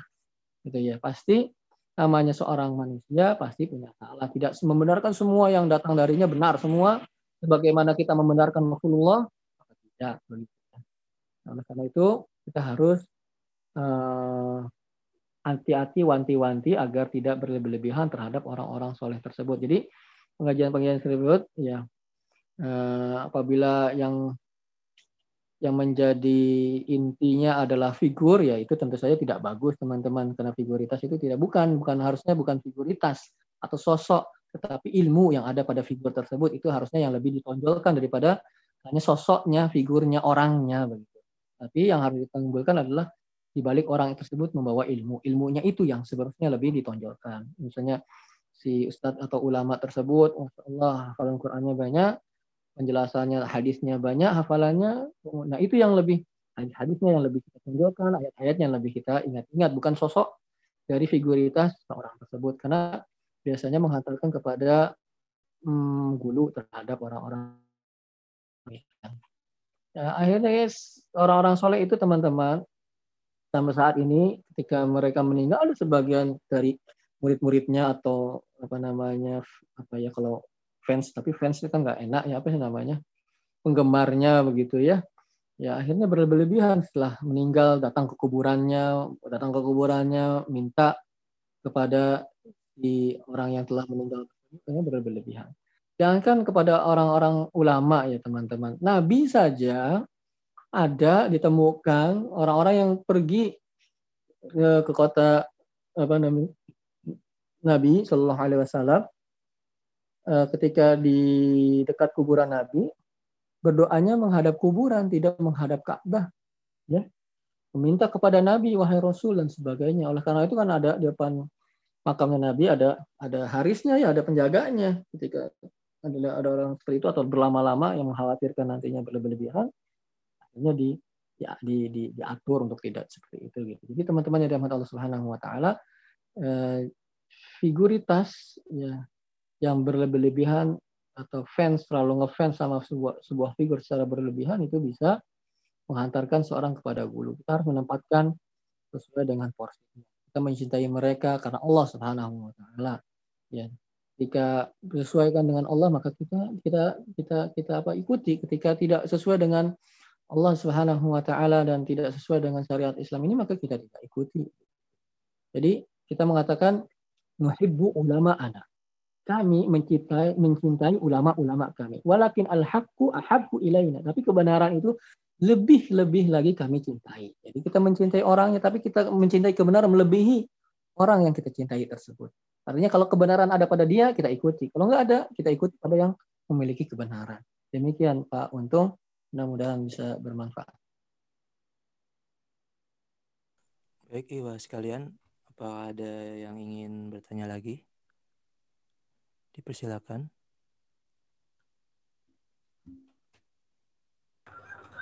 Ya, silakan. Pak Irwan. Waalaikumsalam warahmatullahi Ada ini. Uh, bagaimana kita menasihati seseorang yang punya kita lihat dia itu hulu gitu nah, tapi uh, uh, gimana caranya gitu biar nggak menyinggung perasaannya gitu. Dan yang itu yang pertama. Yang kedua, nah misalnya sebagai ulama itu, dengaran suaranya?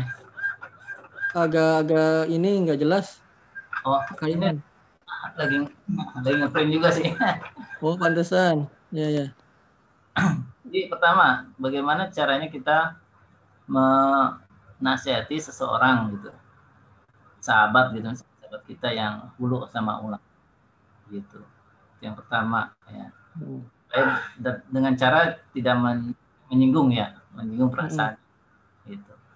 Yang kedua, bila ada yang ini kan ada ya jemaah yang hulu kepada ulamanya gitu. Hmm. Nah, itu uh, misalnya sepeta, sepena, sepengetahuan ulama tersebut atau di luar pengetahuan ulama tersebut itu menjadi uh, batu sandungan apa ya, uh, amalnya dia nggak? Atau sebagai dari uh, apa ada efeknya nggak dia gitu untuk di hadapan Allah gitu? Ya. Ya, jabat ulama itu bertanggung jawab atau gimana gitu terhadap jemaahnya gitu ada nggak? Gitu. Ya. terus yang terakhir ini satu lagi Aduh, tadi. banget nih Kak Irwan ya, tadi uh, nah di luar konteks tadi uh, oh. ini jadi doa di kuburan ya di kubur kan? Itu harus madep ke kiblat kiblat ya? Iya. Uh, jadi kan kadang ada beberapa nih uh, meriung ya?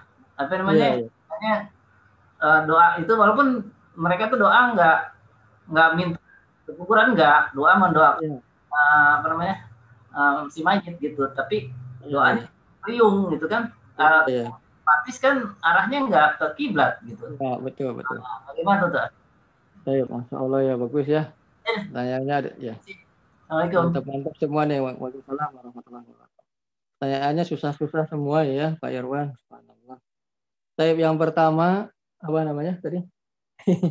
oh ya, kalau menasihati cara menasihati teman sahabat yang berlebihan terhadap figur tertentu oleh orang-orang soleh, bagaimana caranya? Nah, ini yang permasalahan teknis ini ke Iwan. Ya, jadi namanya nasihat itu teman-teman yang dirahmati Allah Subhanahu Wa Taala eh, layaknya seperti obat. Nasihat itu ya mirip dengan obat. Jadi obat itu apa? Ada dosisnya. Ya. Jangan sampai overdosis. Ya.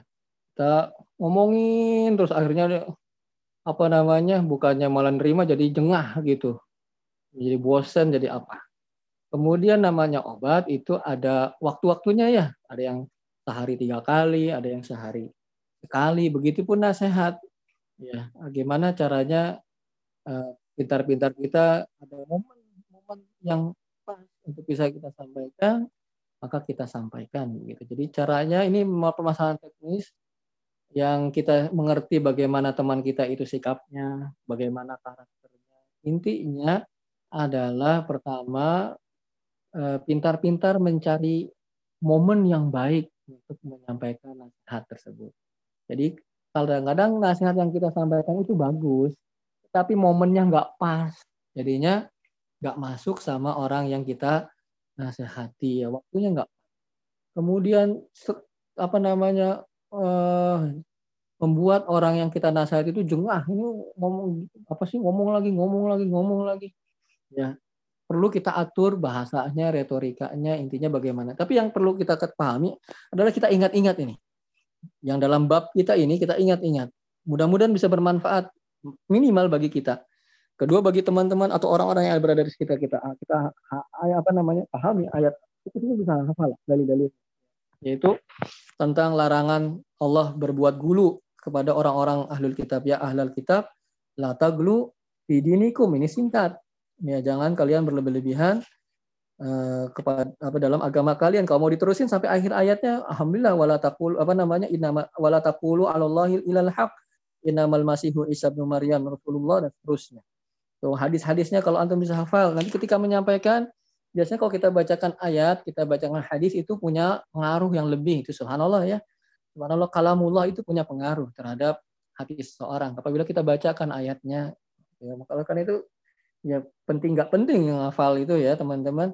Hadis kita sampaikan sabda Rasulullah SAW sesuai dengan apalagi dengan bahasa Arabnya memiliki pengaruh yang yang berbeda terhadap hati seseorang karena memang subhanallah ya kan Al-Quran itu kebenaran itu dan Al-Quran dan Sunnah itu itu punya pengaruh bagi orang-orang yang hatinya memang bagus.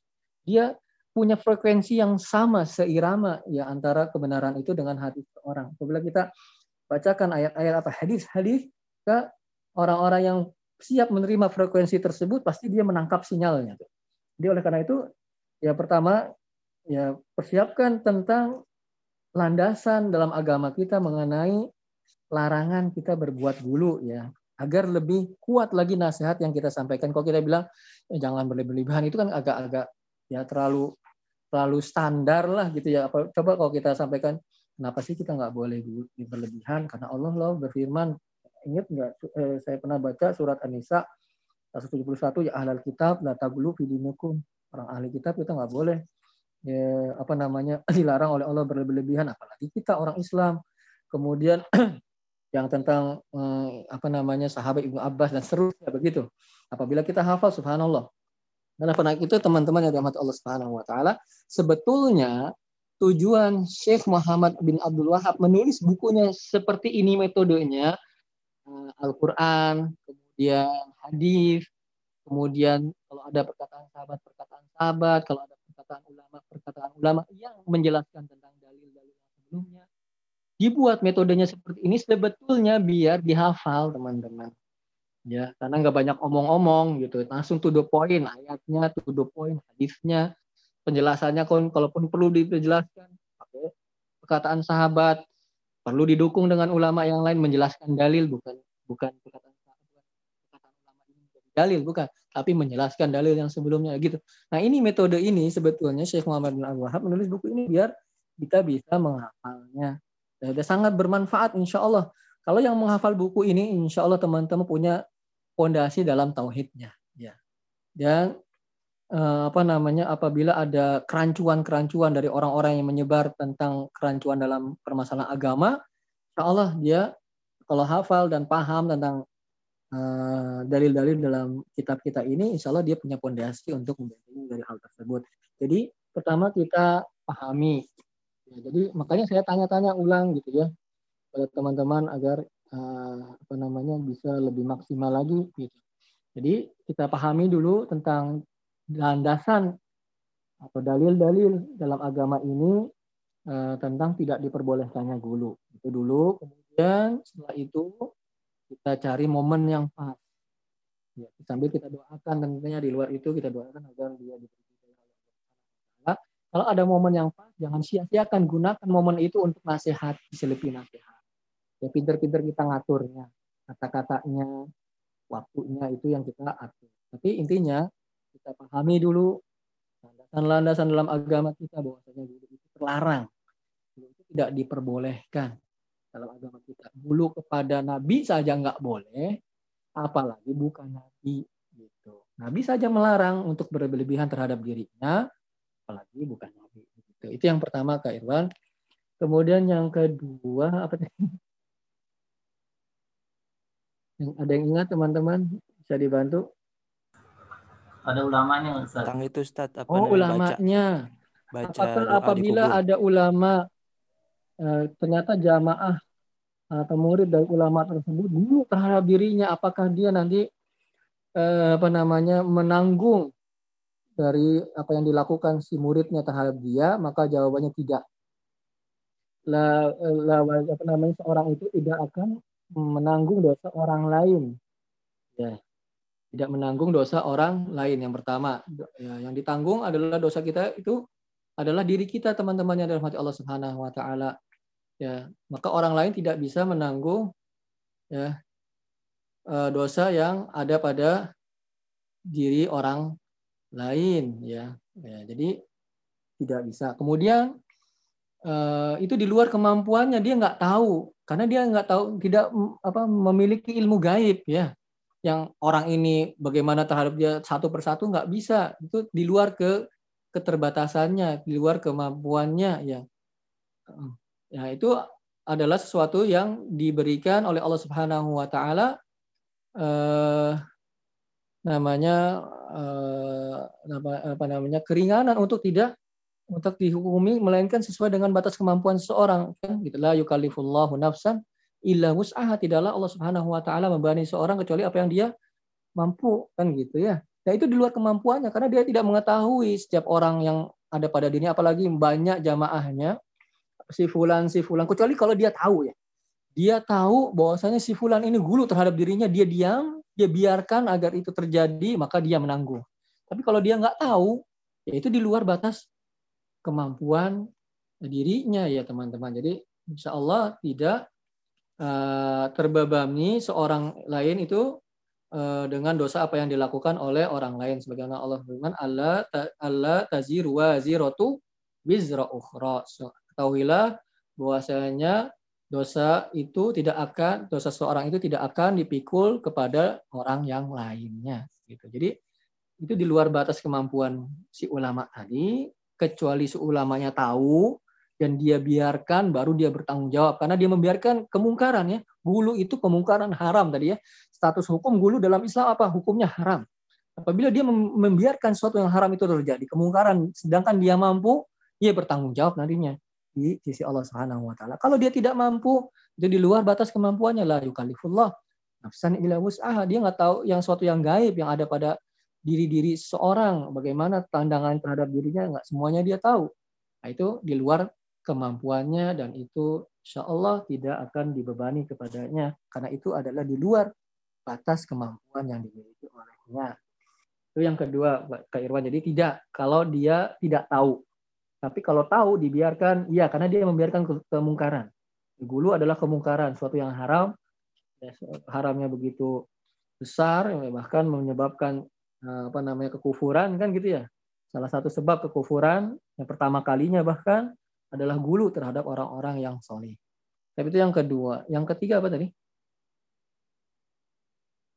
Tentang berdoa ketika ziarah. Oh iya berdoa. Atau enggak? Ya betul. Jadi teman-teman, gini ada para fukoha, para ulama fikih itu mereka mengatakan setiap ibadah yang tidak disebut menghadap ke mananya, maka dihadapkan ke Ka'bah. Kenapa? Karena Ka'bah adalah arah yang paling mulia. Ya, jadi kalau baca Quran kan nggak disebutin tuh menghadap ke mana kan. Maka yang afdal mana ngadapnya? Ngadap kiblat. Ya. Jadi setiap ibadah yang yang nggak disebutkan ngarahnya ke mana, bukan berarti nggak boleh ya baca Quran ya boleh ke mana saja. Cuman yang mana yang paling afdol, yang paling afdol semua ibadah yang tidak ditujukan keterangan arahnya ke mana, maka diarahkan ke Ka'bah yang afdolnya ke kiblat karena itu adalah arah yang paling mulia. Nah, tadi kasus yang saya ceritakan ada orang itu dekat Ka'bah tapi dia doanya mengarah ke makamnya Rasulullah SAW Ya, kenapa? Karena dia berkeyakinan itu makamnya Nabi adalah lebih mulia dari Ka'bah. Nah, itu yang bermasalah. Jadi kalau berdoa ngeriung kuburan, ya boleh dia menghadap ke mana dia inginkan, tapi yang afdol, yang afdol menghadap ke kiblat. Ya, tapi dengan tidak ada keyakinan bahwasanya arah kuburannya itu adalah arah yang mulia. Nah, itu baru bermasalah. Jadi boleh saja kalau ngeriung, kalau boleh ya, bukan yang afdol. Kalau ya boleh ya boleh menghadap ke mana saja berdoa itu boleh. Cuman yang afdol adalah menghadap ke arah kiblat. Ya, jadi boleh ngeriung berdoa menghadap ke kuburan, mendoakan si ahli mayitnya itu ya. Ya berdoanya mendoakan si penghuni kubur ke mana pun mengarahnya boleh, cuman tidak afdol. Yang afdol mengarahkan ke arah kiblat begitu. Kalau dia berkeyakinan bahwasanya arah kuburan lebih mulia dari arah kiblat itu yang bermasalah. Ya, karena tidak ada dalil yang menunjukkan hal tersebut. Ya, bahkan dalil-dalil itu menunjukkan uh, arah kiblat yang mulia. Ya, fawali wajhaka syatrul masjidil haram dalam Al-Qur'an. Maka hadapkanlah wajahmu ke arah ke arah Masjidil Haram gitu diperintahkan ya ke arah Masjidil Haram menunjukkan dalil-dalil ya menunjukkan bahwasanya arah Eh, kiblat itu adalah arah yang yang mulia. Itu Kak Irwan boleh, secara boleh mah boleh. Cuman ditanya afdol apa enggak ya enggak afdol. Gitu ya, afdol menghadap ke kiblat. Bagaimana kalau doa dekat kiblat? Semuanya menghadap kiblat afdolnya. Cari arah yang kita bisa berdoa menghadapnya menghadap kiblat yang afdol. Kalau enggak ya enggak apa-apa. Ya, tapi tidak af afdol selama tidak ada keyakinan itu arah yang mulia. Kuburannya itu adalah arah yang. Demikian yang bisa saya Baik, ada yang ingin disampaikan, Pak. ditanyakan lagi? Kalau tidak ada, saya ingin bertanya, Ustaz. Ya, gimana, Pak? Kebetulan terkait dengan fenomena saat ini, kalaupun tidak eh, pembahasannya bukan ini, saya pun tidak mau menanya sebenarnya, Ustaz. Oh, cuman, gitu. ya, ya. cuman men, ingin tanya tentang pendapat pribadi Ustadz Ajani Ustadz terkait ya, peristiwa ya. saat ini yang marak dibicarakan di media massa maupun di televisi apakah fenomena yang saat terjadi ini merupakan sudah dikatakan gulu ataukah ataukah memang hanya sebatas figuritas dan uh, apa namanya kekaguman saja karena memang apa namanya dikhawatirkan kan seperti tadi kata Ustadz mungkin akan terjadi kesirikan ya kan Ustadz tapi kalau menurut hmm. Ane kan mungkin ya mungkin belumlah sampai kesirikan tapi kan khawatir kemudaratan yang mengganggu situasi keamanan dengan misalkan berkumpulnya banyak orang ya kan atau kan nanti misalkan ada demo yang berjilid-jilid akibat uh, figurnya itu ditahan oleh pihak keamanan. Nah, apakah memang fenomena ini lebih pas dibilang gulu atau hanya sebatas figuritas saja gitu Ustaz? Baik, uh, teman-teman yang dirahmati Allah Subhanahu wa taala. Hmm, jadi gini, Ya, ini kan suatu permasalahan yang belum dipastikan 100% eh, bagaimana realitasnya begitu ya. Versinya setiap pihak punya versi yang berbeda dengan pihak lain walaupun ya ya mungkin ada pihak yang lebih lebih kuat gitu ya apa namanya hmm, argumentasinya tapi secara final kita belum bisa memastikan 100% walaupun ada banyak hal-hal yang perlu kita pertimbangkan begitu. Jadi teman-teman yang dirahmati Allah, saya ingin menyikapinya bukan dari sisi itu sebenarnya. Saya ingin menyikapinya bagaimana sikap ahlu sunnah jamaah terhadap para penguasanya. Itu yang mau saya saya apa namanya hmm, soroti. Jadi ahlu sunnah teman-teman yang dirahmati Allah Subhanahu Wa Taala Ya, ini bukan bahasa basi, bukan suatu yang bagaimana ya, bukan menjilat, bukan. Jadi ahlu sunnah wal jamaah termasuk akidah mereka itu tidak memberontak dengan senjata kepada pemimpin selama dia muslim. Ya, bukan termasuk akidah ahlu sunnah dalam sepanjang masa. Ya, para sahabat ketika Hajat bin Yusuf berkuasa itu bejat teman-teman yang Allah. Hajat bin Yusuf gampang membunuh dia. Tetapi masih ada dalam dalam zaman itu para sahabat, masih tersisa sahabat dan mereka tidak melakukan pemberontakan kepada Hajjaj bin Yusuf. Tetapi teman-teman yang dirahmati Allah Subhanahu wa taala, Sunnah itu selalu taat kepada pemimpin selama dalam koridor ketaatan. Tidak pernah Sunnah itu membenarkan pemimpin kalau dalam kemaksiatan. Jadi teman-teman yang dirahmati Allah Subhanahu wa taala, Ahlu sunnah tempatnya di tengah. Tidak memberontak kepada pemerintah yang sah selama dia muslim dengan senjata, mengangkat senjata. Tetapi tidak menjilat para penguasa yang sekiranya tidak apa namanya eh, di atas kebenaran. Ya, kita tidak memberontak, tetapi kita bukan bukanlah penjilat yang mengagung-agungkan eh, para penguasa walaupun mereka Eh, tidak berada di atas kebenaran. Tidak ya. Jadi penguasa yang muslim yang berada di atas kebenaran maka mereka kita taati dan kita layak untuk apa namanya menghormati mereka. Ya, pemimpin muslim yang uh, tidak di atas kebenaran ya maka kita tidak memberontak dengan senjata kepada mereka tetapi kita tidak menjilat mereka tidak membenarkan apa yang mereka lakukan. Nah, jadi ahlu sunnah tempatnya di, tengah-tengah. Tidak membenarkan kemaksiatan yang ada pada pemimpin mereka dan tidak memberontak kepada mereka. Kita mendoakan kepada mereka semoga diberi hidayah dakwahkan mereka semoga Allah Subhanahu mereka tapi bukan ahlu sunnah melegitimasi semua apa yang dilakukan penguasa jadi ketaatan kita kepada pemimpin adalah inamat ta'ah lil ma'ruf ketaatan itu hanyalah pada perkara yang baik.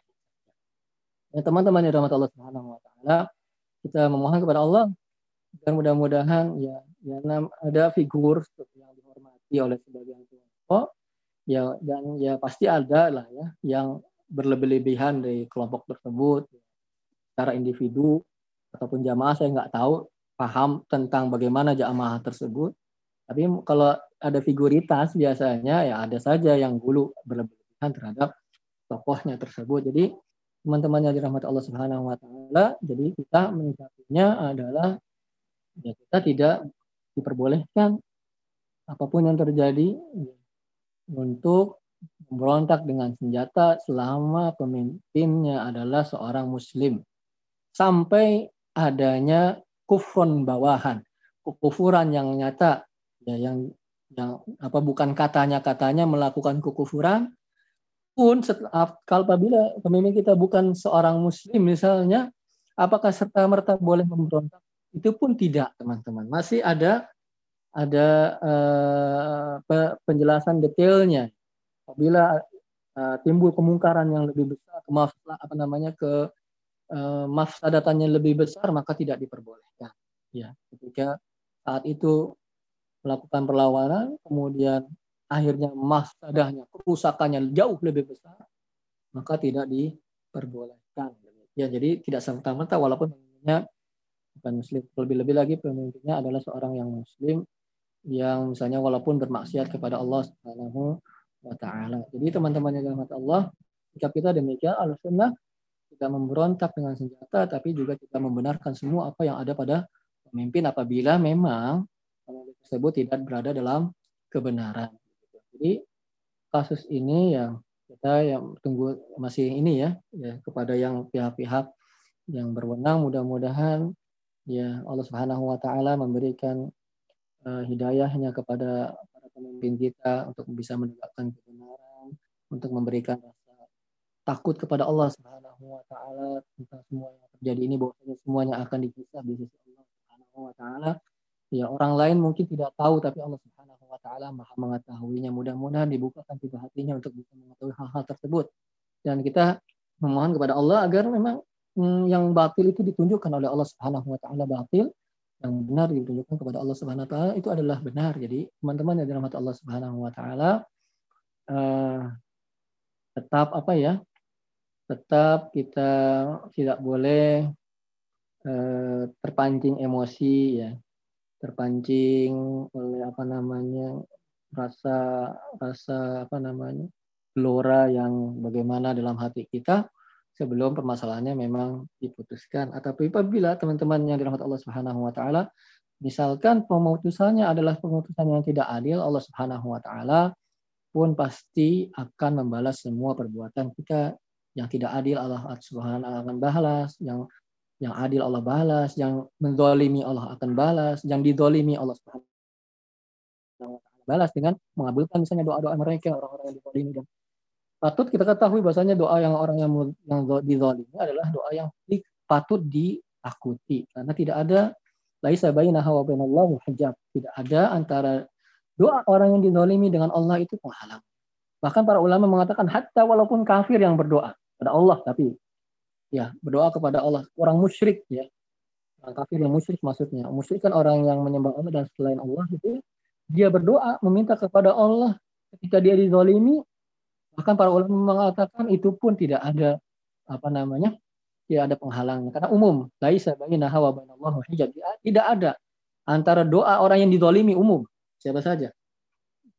Dengan Allah Subhanahu wa taala hijab. Jadi teman-teman yang dirahmati Allah Subhanahu wa taala demikian sikap Ahlussunnah. Tidak pernah Ahlussunnah sepanjang masa ya, itu memberontak kepada pemimpinnya yang masih muslim berontak dengan senjata, menumpahkan darah mereka dengan senjata uh, lama mereka masih muslim. Tapi sunnah pun bukan jadi alat pelegalisasi, ya, penjilat Ya, alat-alat yang membenarkan semua apa yang datang dari penguasa. Tidak. Ya, yang benar kita taati, yang tidak benar maka tidak kita bisa berikan ketaatan kita kepada mereka. Ini nama ta'ah fil ma'ruf. Ketaatan itu hanya pada hal-hal yang ma'ruf. Allahu a'lam bisawab. Jadi mudah-mudahan kita berdoa kepada Allah agar semua pihak diberikan hidayah kepada Allah Subhanahu wa taala agar ditunjukkan mana yang benar dan mana yang batil ya sehingga kita bisa menjauhinya apabila tersamar kita memohon dijauhkan dari fitnah tersebut. Jadi demikian yang bisa saya sampaikan mungkin. Hmm, baik Ustaz, Jazakallah khair atas pertanyaannya, atas jawabannya. Ini ada pertanyaan titipan nih Ustaz terkait hmm. izin bertanya kalau membacakan atau mengirim Al-Fatihah untuk guru atau orang soleh apakah gulu? Sering dengar ada istilah tawasul.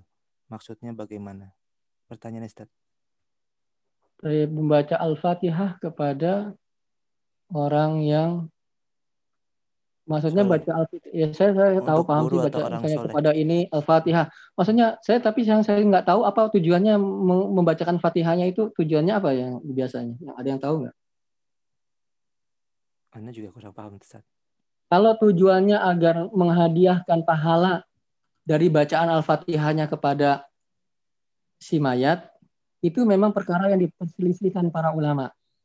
Ya, diperselisihkan para ulama apakah uh, kita bisa me, apa namanya me, mengalihkan suatu peribadahan pahalanya kepada orang lain atau tidak. Ketika kita misalnya melakukan haji, kita bersedekah, kita bisa niatkan ya, pahala dari perbuatan kita itu kepada orang lain, itu diperselisihkan para ulama apakah bisa sampai ataupun tidak sampai. Ya.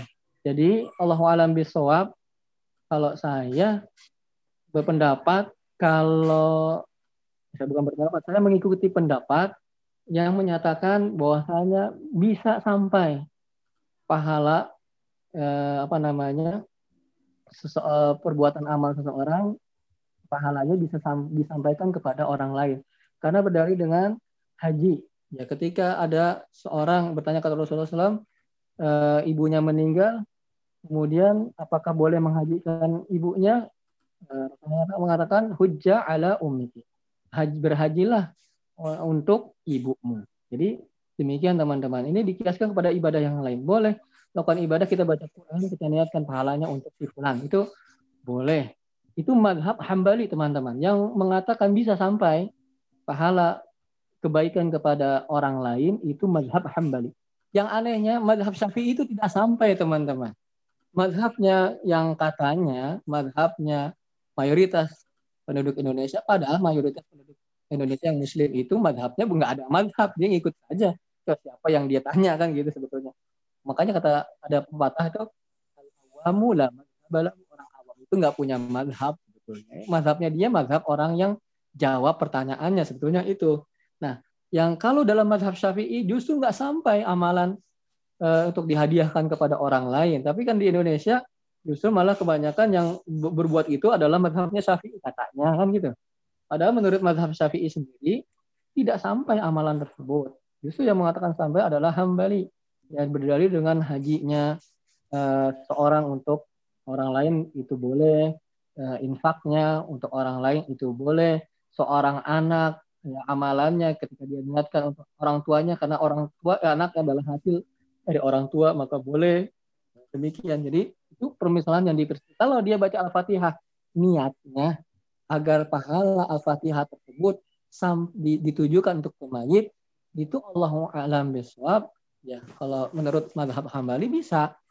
Ya tapi kalau maksudnya selain itu misalnya dia keyakinan kalau ada orang meninggal baca doanya al-fatihah. Nah itu yang bermasalah. Ya, itu yang dipermasalahkan karena tidak ada dalil setahu saya yang kalau mendoakan orang itu yang sudah mati dengan Al-Fatihah. Itu ada kecuali dia bermaksud agar pahala doanya itu, pahala baca Al-Fatihahnya itu ditujukan kepada si fulan. Nah, itu baru diperselisihkan itu pun diperselisihkan oleh para ulama tentang sampai atau tidaknya. Ya, begitu. Makanya saya nggak tahu yang mengucapkan Al-Fatihah itu apa maksudnya. Dia baca Al-Fatihah agar pahalanya untuk si fulan ataukah memang kalau ada meninggal doanya Al-Fatihah? Itu kalau kalau meninggal doanya Al-Fatihah, setahu saya itu tidak begitu. Ya, doanya umum, ya bahkan lahu warhamu wa'afihi wa'fu anhu demikian dan seterusnya. Ya, tidak dengan Al-Fatihah gitu. Makanya ditanya eh, apa maksud Al-Fatihahnya. Kalau dia nggak biasanya sih nggak tahu karena lihat orang-orang begitu gitu. Nah, itu masalahnya gitu. Allah alam Baik, jazakallahu khair wa fikum. Ustaz atas jawaban dan materi yang disampaikan pada Ahad pagi ini. Sepertinya sudah tidak ada lagi pertanyaan. Bisa ditutup, Ustaz? Gimana, Ustaz? Teman-teman dirahmati Allah Subhanahu wa taala, jadi uh, yang kita bahas pada pagi hari ini alhamdulillah tentang masalah gulu di dalam agama. Gulu itu berlebihan dalam agama dan standar berlebihan sekali lagi bukan dari individu-individu tertentu, tetapi memang dari standar yang diberikan oleh Allah Subhanahu wa taala dan rasulnya. Nah, di luar itu itu gulu.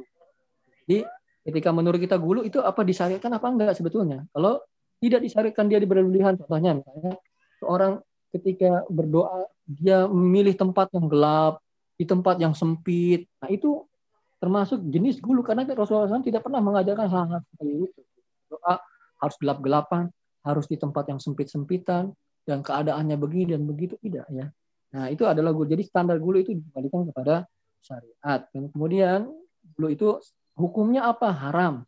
Statusnya haram. Bahkan paling parahnya bisa menghantarkan seseorang kepada peribadahan kepada orang yang dia gului itu. Jadi teman-teman, ini eh, dalil-dalil uh, ini mudah-mudahan kalau bisa dihafal, alhamdulillah kemudian dipahami, dihayati maknanya, kemudian kita amalkan bahwa dulu siapa pun dia, maka itu tidak diperbolehkan teman-teman. Jadi mudah-mudahan uh, bisa di bermanfaat apa yang bisa disampaikan kali kali ini. Yang benar hanya dari Allah Subhanahu wa taala adapun yang salah dan keliru itu datangnya dari dia dan dari syaitan saya memohon ampun Allah Subhanahu wa taala hal tersebut. Kita tutup. Subhanakallahumma bihamdika Asyhadu an la ilaha illa anta astaghfiruka wa atubu Baik, kita ketemu. Waalaikumsalam warahmatullahi wabarakatuh. Kita ketemu di minggu depan di jam dan hari yang sama insya Allah. Assalamualaikum warahmatullahi wabarakatuh. Waalaikumsalam warahmatullahi wabarakatuh.